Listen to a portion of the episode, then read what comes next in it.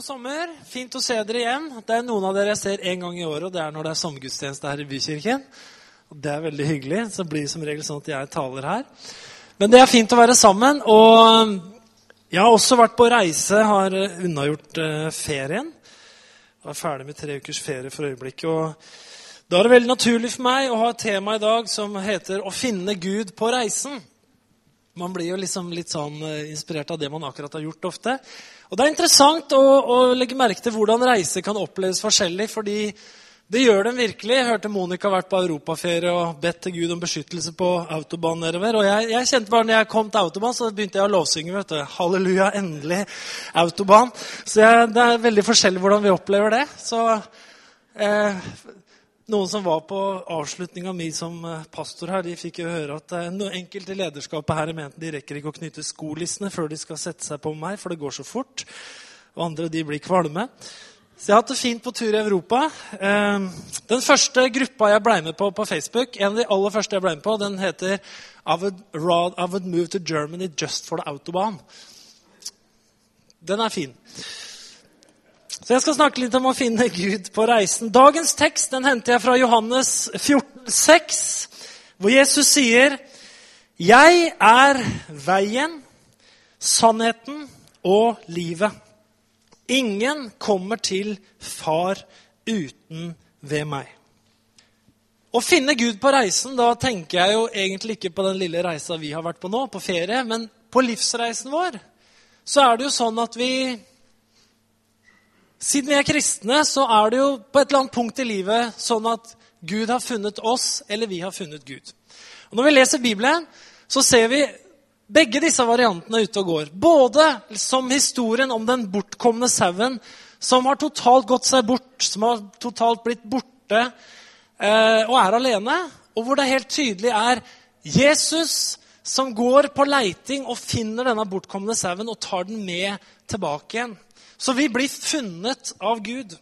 Men det fins også mange andre tekster som forteller den andre sida av det å finne Gud, nemlig det å søke Gud.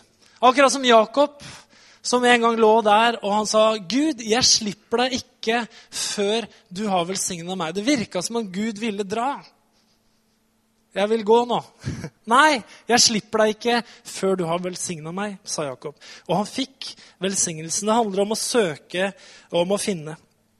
Som sagt, vi har nettopp vært ute og reist. Vi har reist gjennom Europa, vi har reist gjennom Sverige, Danmark, Tyskland, Sveits, Italia og Frankrike. Og det som slår meg litt sånn, i hvert fall mange steder, så er det så interessant å se at man finner spor av menneskers tro. Vi kom til en liten by i Danmark, Rød by. En gammel skole. Der sto det med inngravert i murbygningen på skolen i den lille byen så sto det 'Den som frykter Herren' skal ha det godt og mye glede, eller noe sånt. sto det i den duren der. Så jeg Tenk deg de klistra opp. En eller annen gang så var det noen som bygde denne skolen, som fant ut at dette store skiltet om å proklamere gleden ved å tro på Gud, det skal stå over vår skole. Noen må ha hatt en relasjon til Gud der og tenkt at dette må vi ha opp på skolen vår. Det var midt i byen. Så har vi reist videre nedover. og Veldig mange steder, i hvert fall når vi kommer ut av denne store motorveien og inn i de små stedene, så finner vi spor av menneskers tro. Det var kirke på kirke, det var kapeller, det var bedehuser, det var klostre. Det var så mange forskjellige steder hvor vi finner her er det noen som tror på Gud. Her har det vært noen som har funnet Gud en gang og bygd en kirke. Noe av det mest fascinerende var vi kjørte hjem, så kjørte vi nedover gjennom Alpene. Så kjørte vi gjennom noe som heter St. Gotthard-tunnel, som er en, verdens tredje lengste tunnel. Hvor vi bare liksom føyk gjennom fjellet jeg tror det var flere mil lang den tunnelen. Eh, det var kona mi som kjørte den. Jeg lå og sov. Var på natta. Men den var lang. Eh, men tilbake igjen så fant vi ut vi skulle kjøre over fjellet. Og Vi kjørte der opp i de sveitsiske alpene. Og Det var mange sånne små bygder, bare med noen ganske få hus. Og på hvert eneste sted hvor vi kom kjørende, så var det en kirke. Og den kirken var ikke sånn anonym gjemt nede i byen et sted. Den var på det høyeste punktet hele veien. Og det var på de mest utrolige steder. altså Det var oppå sånne høye knauser som tenker det går da ikke an å bygge noe oppå der.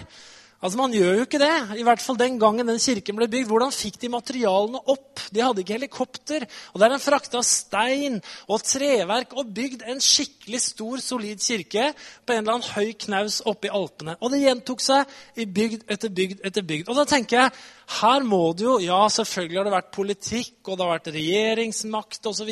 som har ønska å stifte religion. Men det må jo også ha vært mennesker som har vært villige til å gjøre den jobben her, som har funnet Gud. Og som har sagt at her vil vi gjøre noe for Gud. Her vil, vil vi plassere noe for Gud. Og så slår det meg hvor mange troshistorier det fins i denne verden her. I ulike kulturer, i ulike nasjoner, så fins det millioner av troshistorier om mennesker som har funnet Gud på ulike måter. Jeg tenker at eh, det å reise, det er sunt på mange måter.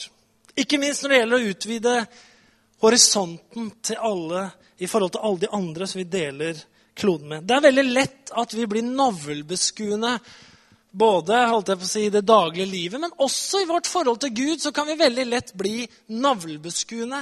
Og så kan vi miste den kontakten med Gud som vi kanskje dypest sett ønsker så gjerne. Det er veldig ofte det nære og det trygge som vi søker. Det er jo interessant også å se når man reiser gjennom forskjellige land, og man kommer hjem til Norge og ser hvor trygghetssøkende vi ofte er i det nære og det kjente. F.eks. det her med norsk kvalitet. Ikke sant? Norske råvarer. Laget av norske råvarer. Og Det er da en indikator på at denne maten er jo da selvfølgelig bedre enn f.eks. de danske råvarene som er fulle av kjemikalier eller et eller annet sånt. Altså, etter, vi vet ikke hva det er, men de norske råvarene er tydeligvis bedre. Vi vil gjerne skrive at det er norsk. Og så kommer vi til Tyskland, og det er det samme. Det er tyske råvarer. Heldigvis ikke norske råvarer. Liksom. Det, er, det, er, tyske råvarer. Tyskerne de føler seg trygge for det er det tyske råvarene. Og i Frankrike er det like viktig at det er et fransk produkt. At det er Bordeaux-vin, at det er fransk vin, ikke noe sånn italiensk skvip. Det kan da ikke være bra? Og så er vi trygghetssøkende i det her som er liksom nær oss. Og så er det det vi bruker, og så er det det vi holder oss til, osv. Og, så og i Sveits var det Swiss made som gjelder. Nå er jo saken i dag til meste er jo lagd i Kina. Står, men så nå har vi gått over til å si 'designed in Switzerland'. 'Designed in the USA', så står det 'made in China' på sånn lite merke under. ikke sant?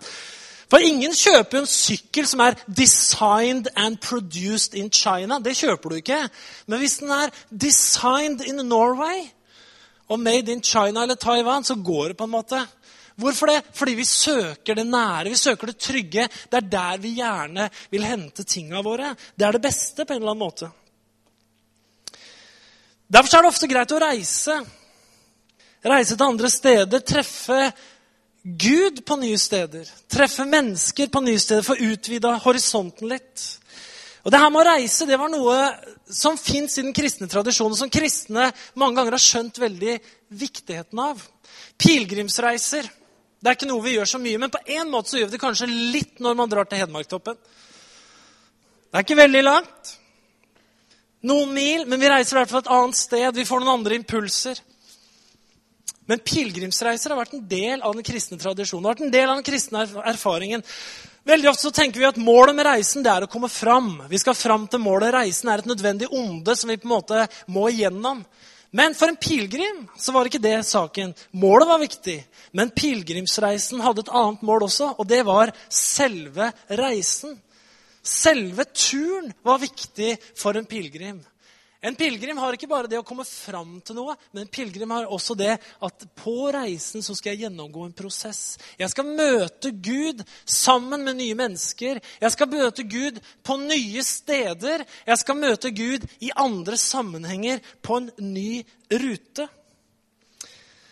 Og Det kan jo være sånn vi har en sånn kristen variant av vi tenker at livet her nede er ikke så viktig. Det er ikke så viktig hvordan vi opplever reisen. Det viktige er at vi kommer fram til himmelen.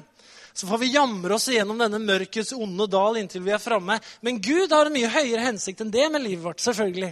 Gud vil at denne reisa skal ha mening. Målet vårt er himmelen, men reisa her nede, den er også viktig. Det er her vi skal lære å kjenne Gud. Det er her vi skal utvikle relasjon med Han. Det er her vi skal gjøre Guds vilje. Det er her vi skal levere videre til neste generasjon osv. På reise skjer det også at vi møter nye mennesker. Og vi kan møte Gud på nye måter. Vi var i Frankrike, vi bodde på en campingplass. Og Rett overfor oss bodde det et ektepar som snakka utrolig mange språk. Og Vi fant ut etter hvert hvorfor. Han, Mannen var fra Tsjekkia, kona var fra Mongolia. alle steder. Det er ikke så veldig vanlig. I hvert fall ikke her i Europa å treffe folk fra Mongolia. Og De jobba i Brussel, og de hadde utdanna seg i Tyskland. Så de snakka fem språk oppi den campen der med barna sine. Og så var det, han, De hadde to små gutter, og de begynte å prate litt med oss. Og Han ene gutten var veldig, han prata veldig mye. Han var bare fire år. Og så sa han til meg If this boy had been born like 200 years ago, he could have been a preacher. Altså Han sa hvis den gutten han prater så mye, så han er så veldig til å prate og har litt sånn autoriteten å prate, så Hvis han hadde vært født for 200 år siden, så kunne han sikkert blitt predikant, sa han, og så smilte han. Så smilte jeg tilbake. Du skulle bare visst, tenkte jeg. Neste kveld så hadde jeg nattlegging med gutta. Vi har bodd i telt. da. Det har jeg ikke gjort siden jeg var liten gutt på, i Sarons jeg, i hustelt med mamma og pappa med mange stenger som tok lang tid å sette opp. Helt til de kom inn i eliteklassen, de som hadde campingvogn. De hoppa over den kombicamp-perioden og kjørte rett inn i campingvogna. Og Det var litt status den gangen. Men nå går vi tilbake til å leve i telt igjen, og det er jo fint. og vi har hatt det kjempefint. Men det gjør jo også at man hører godt mellom veggene. Så om kvelden jeg la guttene mine, så fortalte jeg Jesus-historie. Vi har hatt det om kvelden i ferien, og nå har vi tatt hele historien om Jesus fra skapelsen, syndefallet, de, profet, de profetiske ordene gjennom Gamletestamentet til Jesu komme, oppvekst, oppstandelse osv. Det tok seks kvelder, men vi har vært igjennom, så jeg har fortalt Jesus-historier. Og det hadde han sjekkeren hørt at jeg snakka, og så sang jeg med dem også på slutten. Da hadde han sjekkeren hørt, og han, uh, han sa interesting language you have. It's very funny, you know. Og så spurte han hva jeg fortalte. Jeg sa jeg har fortalt Jesus historie», sa jeg. Oh, interesting, sa sjekkeren. Vi fikk en veldig fin prat et par kvelder. Jeg vet ikke, De var ute på reise. Og så sa jeg at det er jo predikanter nå også, sa jeg, ikke bare for 200 år siden. Du nevnte jo sønnen din her i går. Oh, are you a preacher? Det var litt sånn eksotisk for en som jobba i Brussel. skjønte jeg. Men vi fikk en fin prat om Gud. Kanskje den reisa var med å gjøre noe med forholdet dems til Gud. Vi fikk en veldig fin prat. En pilegrim det er et eh, ord som kommer fra det latinske 'peregrinus', som betyr fremmed eller utenlandsk. Og målet det er for en pilegrim det er gjerne at man søker en åndelig opplevelse eller å komme nærmere Gud. Det er tradisjonen rundt det å være en pilegrim. Og så har man selvfølgelig disse fysiske pilegrimsreisene. Vi har også et språk i Bibelen med at himmelen er vårt hjemland, og vi er fremmede her på jorden. Vi er gjester. Vi er på reise igjennom her på jorden. Jeg har lyst til å snakke litt om det her med levende tro. For det er jo sånn at troen vår, den må fornyes. Det står det i Bibelen. Bli fornyet. Det er altså en oppfordring. La dere fornye. Bli fornyet. Og det med fornyelse det er ikke alltid så lett å forstå seg på hvordan det fungerer, hvordan det skjer. Jeg tror nemlig det er en stor forskjell på å bli inspirert og det å bli fornya.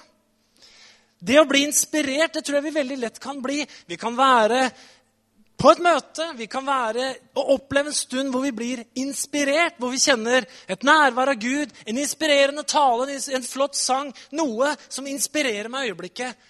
Men på en måte så har inspirasjonen en kort levetid. Fornyelse ser på noe som stikker dypere. Et verk av Den hellige ånd.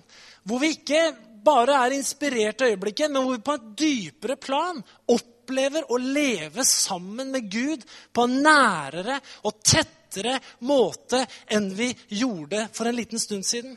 Veldig ofte så forteller mennesker om fornyelse som ganske eh, store greier.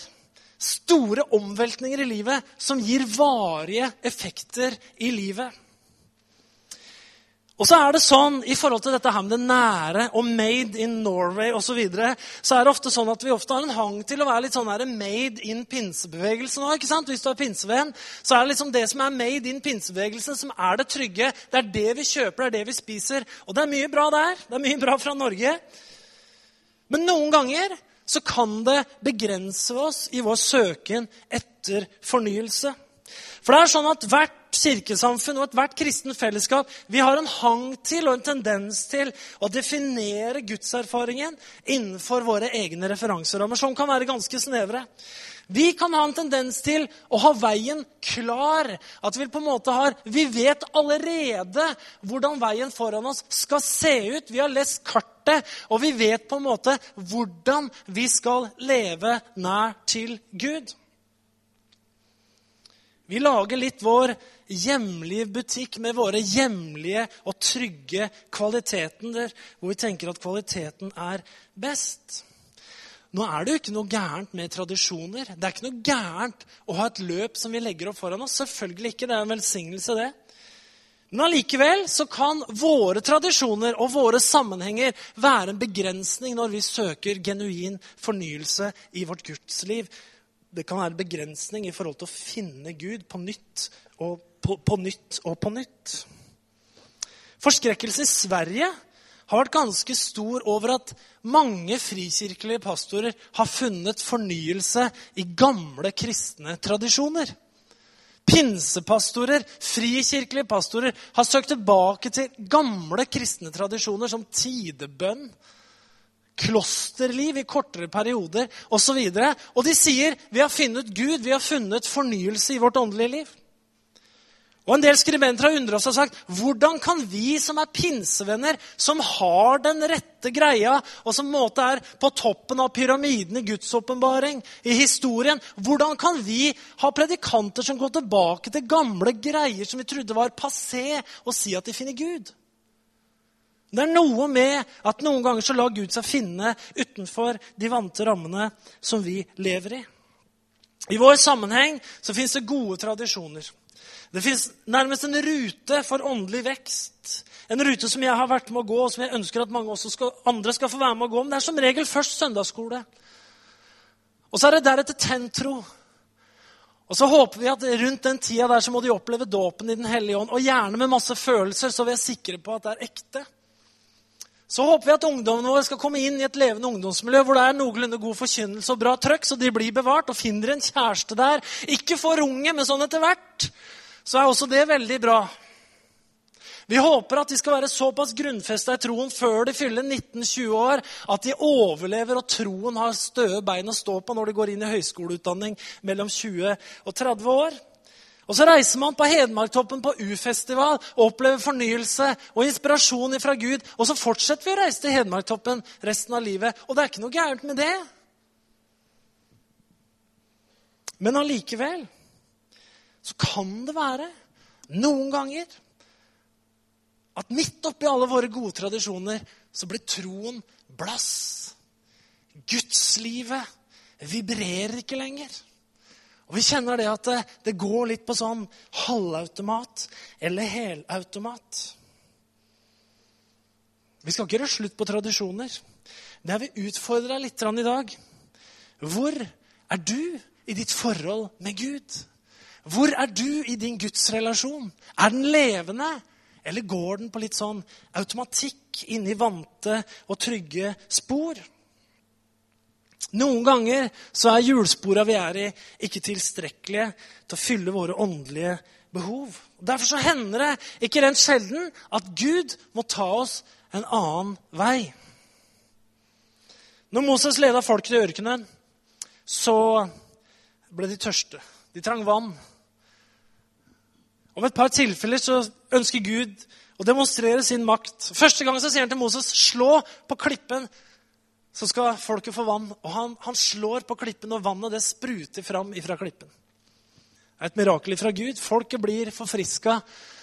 De får nytt liv. De kjenner at åh, nå venter livet tilbake. Vi fikk vann. En annen gang var det igjen behov for vann. Og Gud sier til Moses, nå skal du tale til klippen. Ikke slå, men tale.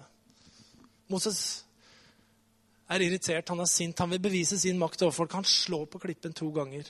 Han får vann, men Gud blir vred. Det er en fortelling om eh, hvordan målet var det samme, men hvordan Gud ønsker noen ganger å gjøre ting på ulike måter i våre liv. Det å produsere åndelig nærvær, åndelig vekst i våre liv, det er noe vi ikke kan helt planlegge på den måten. Det er noe vi må søke Gud for, være åpen for hans ledelse. Det fins et par historier i Bibelen hvor Jesus tar en annen vei, og hvor mennesker tar en annen vei for å finne Gud. For Jesus sier i Johannes 14, 14,6, som jeg sa, 'Jeg er veien, sannheten og livet. Ingen kommer til Far uten ved meg.' Jeg tenker at Det verset her, det handler om å finne fram. Det handler om å finne Gud. Det handler om å komme til det stedet hvor Gud er. Så kan vi si jo, men Gud er jo alltid med oss. Ja, han er det. Men allikevel så er det en dimensjon over det å leve som kristen som kalles for åpenbaring. Åpenbaring det, eh, det, handler om at man ser, det handler om at man hører. Det handler om at man opplever Gud i livet og i hverdagen. Og opplever å være en del av Guds plan med det livet man lever. Og det er noe, det er noe enorm forskjell på det her å være generelt troende og det å oppleve Guds ledelse i livet sitt. Det å vite jeg er nær til Gud, jeg har Guds nærvær i livet mitt, og jeg vandrer sammen med Gud. Det er det Herren har kalt oss til. Det fins historier i Bibelen om andre veier. Det er en historie, og Dere kjenner sikkert disse historiene ganske godt. Den er henta fra Johannes 4, vers 3-7, hvor Jesus har vært nede i Jordan-området og hatt virksomhet. Han har talt, han har hatt med folk, mange mennesker å gjøre. Og så skal han forlate Jordan-området. Han skal forlate Judea, og han skal dra til Galilea. Og Da står det i Johannes 4, 3-7 at han måtte reise gjennom Samaria. Der kom han til en by som het Sykar, like ved jordstykket Jakob ga sin sønn Josef. Der var Jakobskilden. Jesus var sliten etter vandringen, og han satte seg ned ved kilden. Det var omkring den sjette time. Da kommer en samaritansk kvinne for å hente vann, og Jesus sier til henne, 'La meg få å drikke'. Den mest direkte måten, veien mellom Judea og Galilea fra det området Jesus var i, det er eh, vanligvis Samaria. Men Jesus hadde vært ved Jordan, så den korteste veien hadde vært å gå Jordandalen oppover. Teksten sier at eh, 'jeg må gå denne veien'. Og Måten den er skrevet på i originaltekst, hentyder at Jesus måtte gå denne veien, som anses som en om, omvei fra det stedet hvor Jesus faktisk var på. Han måtte bare gå denne omveien. Han måtte gå opp til den brønnen der ved Sykar. Han sender disiplene fra seg. Han var sliten, han var trøtt. Han setter seg ned ved brønnen og sender disiplene inn til byen for å kjøpe mat. Akkurat som noen av dere gjør med kona. ikke sant? Nå er jeg sliten, gå og kjøp mat. Men i hvert fall så setter Jesus seg ned, og han møter denne kvinnen. Og hun var viktig. Jesus hadde med mange mennesker Det var mange mennesker som følte Jesus. Det var hundrevis, noen ganger tusenvis av mennesker som følte Jesus. Men denne dagen går Jesus en omvei. En annen vei, og han setter seg der. Fordi det var denne ene kvinnen som var viktig. Jesus var villig til å ta en omvei for å møte denne kvinnen. Målet, Galilea, det var ikke målet alene. Det var noe som skulle skje på denne reisen. Det fins en annen historie om en evangelist som heter Philip. Som vi leser om i Apostlenes gjerninger 8. Philip er evangelist. En av de tidlige evangelistene i kirken. Han reiser rundt, og han er en som forkynner evangeliet. Han har en stor vekkelse i Apostelens gjerning 8. Mange mennesker kommer til tro. Mange under og tegn skjer, og det er stor oppstandelse i byen. Han står midt i en vekkelse som han egentlig ikke skal forlate. Man skal stå i vekkelsen. Men det som skjer, er at det kommer en Herrens engel til Philip og sier, 'Gjør deg klar, og dra sørover på veien fra Jerusalem til Gaza. Dette er en øde strekning. Philip gjorde seg i stand og dro av sted. Dette står i Apostelens gjerninger 8, 26-29. Han dro av sted. Han fikk se en etiopisk hoffmann, en høy embetsmann som hadde tilsyn med skattkammeret hos Kandake, dronning i Etiopia. Han hadde vært i Jerusalem for å tilbe. Nå var han på vei hjem og satt i vognen sin og leste fra profeten Jesaja. Da sa ånden til Philip, gå bort til vognen og hold deg tett opptil den. Her har vi Philip Midt oppi begivenhetenes sentrum. Midt oppi der hvor Gud gjorde noen ting. Midt oppi vekkelsen, i fornyelsen og alt hva det måtte være. Det måtte vært fantastisk.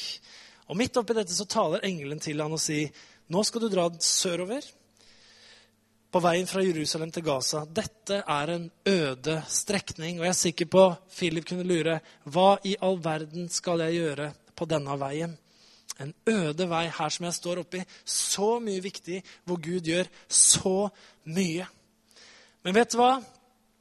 Gud hadde en hensikt med denne avstikkeren, denne omveien, denne øde ruta hvor Philip ble bedt om å dra. Han finner en etiopisk hoffmann som sitter og leser i Jesaja, og som ikke begriper hva han leser. Og ånden sier til Philip, gå bort til vogna og hold deg tett inntil. Du kjenner historien. Han går bort, han hører, han leser fra Jesaja, Han stiller spørsmålet skjønner du i det hele tatt hva du leser. Nei, jeg skjønner ingenting. Har du lyst til å forklare? Og han går opp i vogna. Og så opplever vi at det blir et møte med Gud. Det møtet kjenner vi ikke detaljert historikk rundt videre. Men det antas at dette var starten på at evangeliet kom til Etiopia. Denne mannen ble døpt, og han reiser videre med troen i hjertet. Han hadde en høy stilling, han var embetsmann. Han hadde tilsyn med skattkammeret, altså var finansminister i Etiopia, for å si det på moderne norsk. Så han var i høy stilling. Og han bringer med seg troen til Etiopia. På denne øde veien, på denne avstikkeren, denne veien som ikke mange gikk på, der opplever Philip et levende møte med Jesus og denne mannen. En åpenbaring som flyter.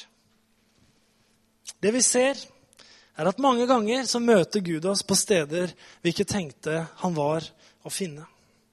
Gjennom kirkehistorien så kan vi se at Gud har møtt mennesker på de mest utrolige steder i de mest ulike situasjoner. Og I alle disse historiene, bl.a. denne med Philip, så leser vi at det var noen som var modige nok til å høre fra Gud og søke Gud, og de klarte å finne Gud. Så mange ganger så liksom liner vi opp løpet vårt, og vi, vi, kommer inn i våre spor, og vi har våre løp som vi tenker framover. Men vær åpen for Den hellige ånd. Vær åpen for hvor Gud vil lede deg. For om du skal finne Gud på reisen, så må du åpne øynene og se hvor han er. Amen. Jeg vil oppmuntre deg. Det er gjerne sånn. Vi går inn i sommeren, og så går vi på en måte inn i et nytt virkeår. Vi går et nytt år med aktivitet osv. Det her å være åpen for Gud og det å søke Gud. Gud, hvor vil du jeg skal gå? Gud, hva vil du jeg skal gjøre? Gud, hvor kan jeg finne deg på den reisen som jeg er på? Og så videre. Det er et så viktig spørsmål å stille seg. For vi er ikke kalt til å leve på bare gamle tradisjoner, men vi er kalt til å leve i en levende relasjon med Gud. Jeg har stilt meg det spørsmålet mange ganger sjøl. Jeg har vært aktiv i så mange år, tjent Gud, vært pastor og holdt på. Og så er det ved perioder i livet hvor jeg kjenner nå er jeg i så mange aktiviteter. Nå har jeg så mange ting som jeg gjør for Gud. Det er så mange greier jeg planlegger å holde på med, som er for å ære Gud. Men har jeg Gud? Har jeg Gud? Er Gud nær i mitt liv? Lever jeg tett på Gud? Har jeg denne relasjonen? Har jeg med meg Gud på reisen? Finner jeg Gud igjen og igjen og igjen på denne reisen? Og jeg tror det å søke Gud i sannhet, det er en holdning som vi må ha med oss i livet. At vi igjen og igjen søker å finne Gud. For det er noe med det ordet åpenbaring som jeg tror er så viktig at vi forstår som kristne. at Gud, skriver Paulus til filipperne, at Herren Nei, Efeseren at Herren må gi dere visdoms- og åpenbaringsånd, så dere kan se hvor rik på herlighet Hans makt og kraft er for oss som tror. Og hva handler åpenbaring om? Jo, det handler om at vi med våre indre øyne og vårt hjerte opplever og ser Gud og vet og kjenner at 'jeg lever med deg, jeg er nær til deg, Gud'. Jeg er i fellesskap med deg, og jeg finner deg igjen og igjen. Og Det er lett å snakke om det, men det er ikke alltid så lett å oppleve det. Det er ikke alltid så lett å komme fram til det. Men når vi finner Gud igjen og igjen, så blir kristenlivet nytt. Det blir inspirerende å leve, og vitnesbyrdet blir nytt igjen. Og Jeg sa at det begynner med litt spøkefulle at reisen vår kan være så forskjellig. Monica og min opplevelse av å kjøre i Europa var kanskje forskjellig. Fordi vi er på forskjellige steder. Men sånn er det også noen ganger så kan man se på mennesker som gjør noe for Guds hengt. Vi har et misjonærpar som reiste ut her nå. Eller som reiser ut, som vi sender ut. De reiser til Afrika. Hele familien. Fem stykker. Barn i, i, i ung alder, barneskole. Og reiser av gårde. Flytter til Afrika, familien Hagen. Og de har gløden, vet du. Vi skal til Afrika. Afrika er som å være hjemme. Det er der Gud vil ha oss. Det brenner. Og jeg kjenner og takk og lov at jeg slipper å flytte med familien min til Afrika. Men det er ikke min reise. Det er dems reise. Og så kan vi se hvordan vi på forskjellige områder så møter vi Gud i ulike situasjoner, i ulike kall, i ulike nåder. Så opplever vi at Gud møter oss, og så tar han oss med på sin reise. Amen. Det er eh, noe vi kan gjøre, tror jeg, Fremfor alt i forhold til å finne Gud på reisa, leve sammen, være sammen med Gud på reisa. Og Det er å stadig overgi seg til Gud og si 'Jeg overgir min tid, jeg overgir mitt liv'. Jeg ønsker å tjene deg, kjære Jesus. Fredrik, kan ikke du komme opp og ta piano, og så spiller du? Skal vi bare be litt sammen? Jeg syns vi kan reise oss. Vi tåler det, stå litt på beina. La oss ta noen liten stund her nå hvor vi lukker våre øyne, og så ber vi litt, så spiller Fredrik litt for oss. Og så ønsker jeg bare at vi skal be litt her. Kjære Far i himmelen. Takk for at du er levende. Og takk for at du er over hele jorda, Herre. Til alle tider, i alle kulturer, over alle mennesker, Herre, så har du vært her. Takk at du har visst hvem du er gjennom Skriften, gjennom historien som vi kan lese. Hvordan du har leda ditt folk og leda mennesker som har gått før oss, Herre. Og takk for at du både er lett å finne og forståelig å finne. Samtidig så er det noe stort ved deg som gjør at vi aldri kan klare helt å begripe hvem du er, før vi er hjemme. Men på denne reisa her, så ber vi at eh, du gir oss nåde til å søke igjen og igjen, og finne deg igjen og igjen på vår reise. Og Herre, jeg ber for både meg selv og jeg ber for forsamlingen her i formiddag at du skal gi oss åndelig mot til å overgi oss i dine hender igjen og igjen. Overgi oss til din nåde, Herre. Overgi oss til din vilje, Herre. Jeg takker deg for det, himmelske Far. Herre, du ser våre tradisjoner som har kommet ut av opplevelser vi, vi, eller andre har hatt med deg. Du ser våre hjulspor, du ser våre trygge rammer som vi er så takknemlige for. Men Herre, du ser også begrensningene noen ganger i de rammene. Du ser begrensningene i dem, Herre. Og Herre, gi oss nåde til å se lenger, til å se utenfor de faste rammene, Herre. Til å se videre hvor vi kan følge etter deg. Jeg takker deg for det, Far i himmelen. Ber Herre for hver og en akkurat nå. Herre, kan du ikke også være med nå? Så bare stå litt, så bare ber du en, en stille bønn fra ditt hjerte til Gud om, om å overgi deg til Guds vilje. La Gud vise deg, uansett hvor du er i livet, hvilken alder. Gud har noe for oss. Reisen er målet like mye som målet i seg sjøl. Bare be en stille bønn av overgivelse til Gud der du står. Takk, Herre.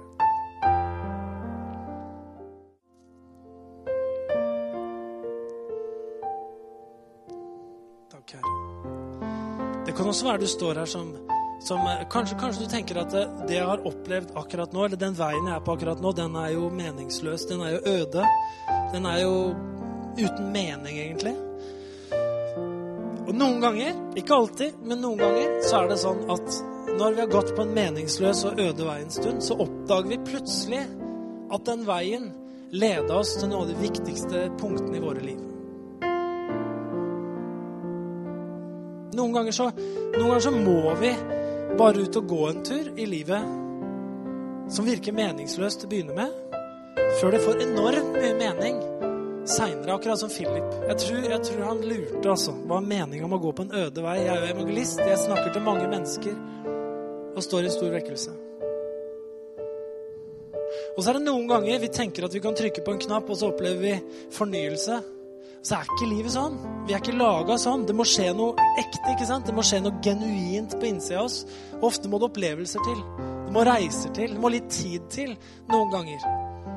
Så kanskje den veien som du har vært på, som du er på, som kjennes litt øde og meningsløs, kanskje den veien, akkurat den veien er nødvendig for at du skal møte Gud på reisen. Amen. Så vi velsigner, Herre, alle øde veier som måtte være representert i ulike liv her i formiddag. Takk, Herre, at du er å finne også på de veiene hvor det ikke er så mange, hvor det ikke er så heftig, men du er å finne, Herre, på de små stedene, ensomme veiene, Herre, hvor ikke alle andre går. Takk at du er der, Herre. Takk at du åpenbarer deg for oss igjen og igjen. Amen. Gud velsigne dere alle sammen, og en fortsatt god sommer.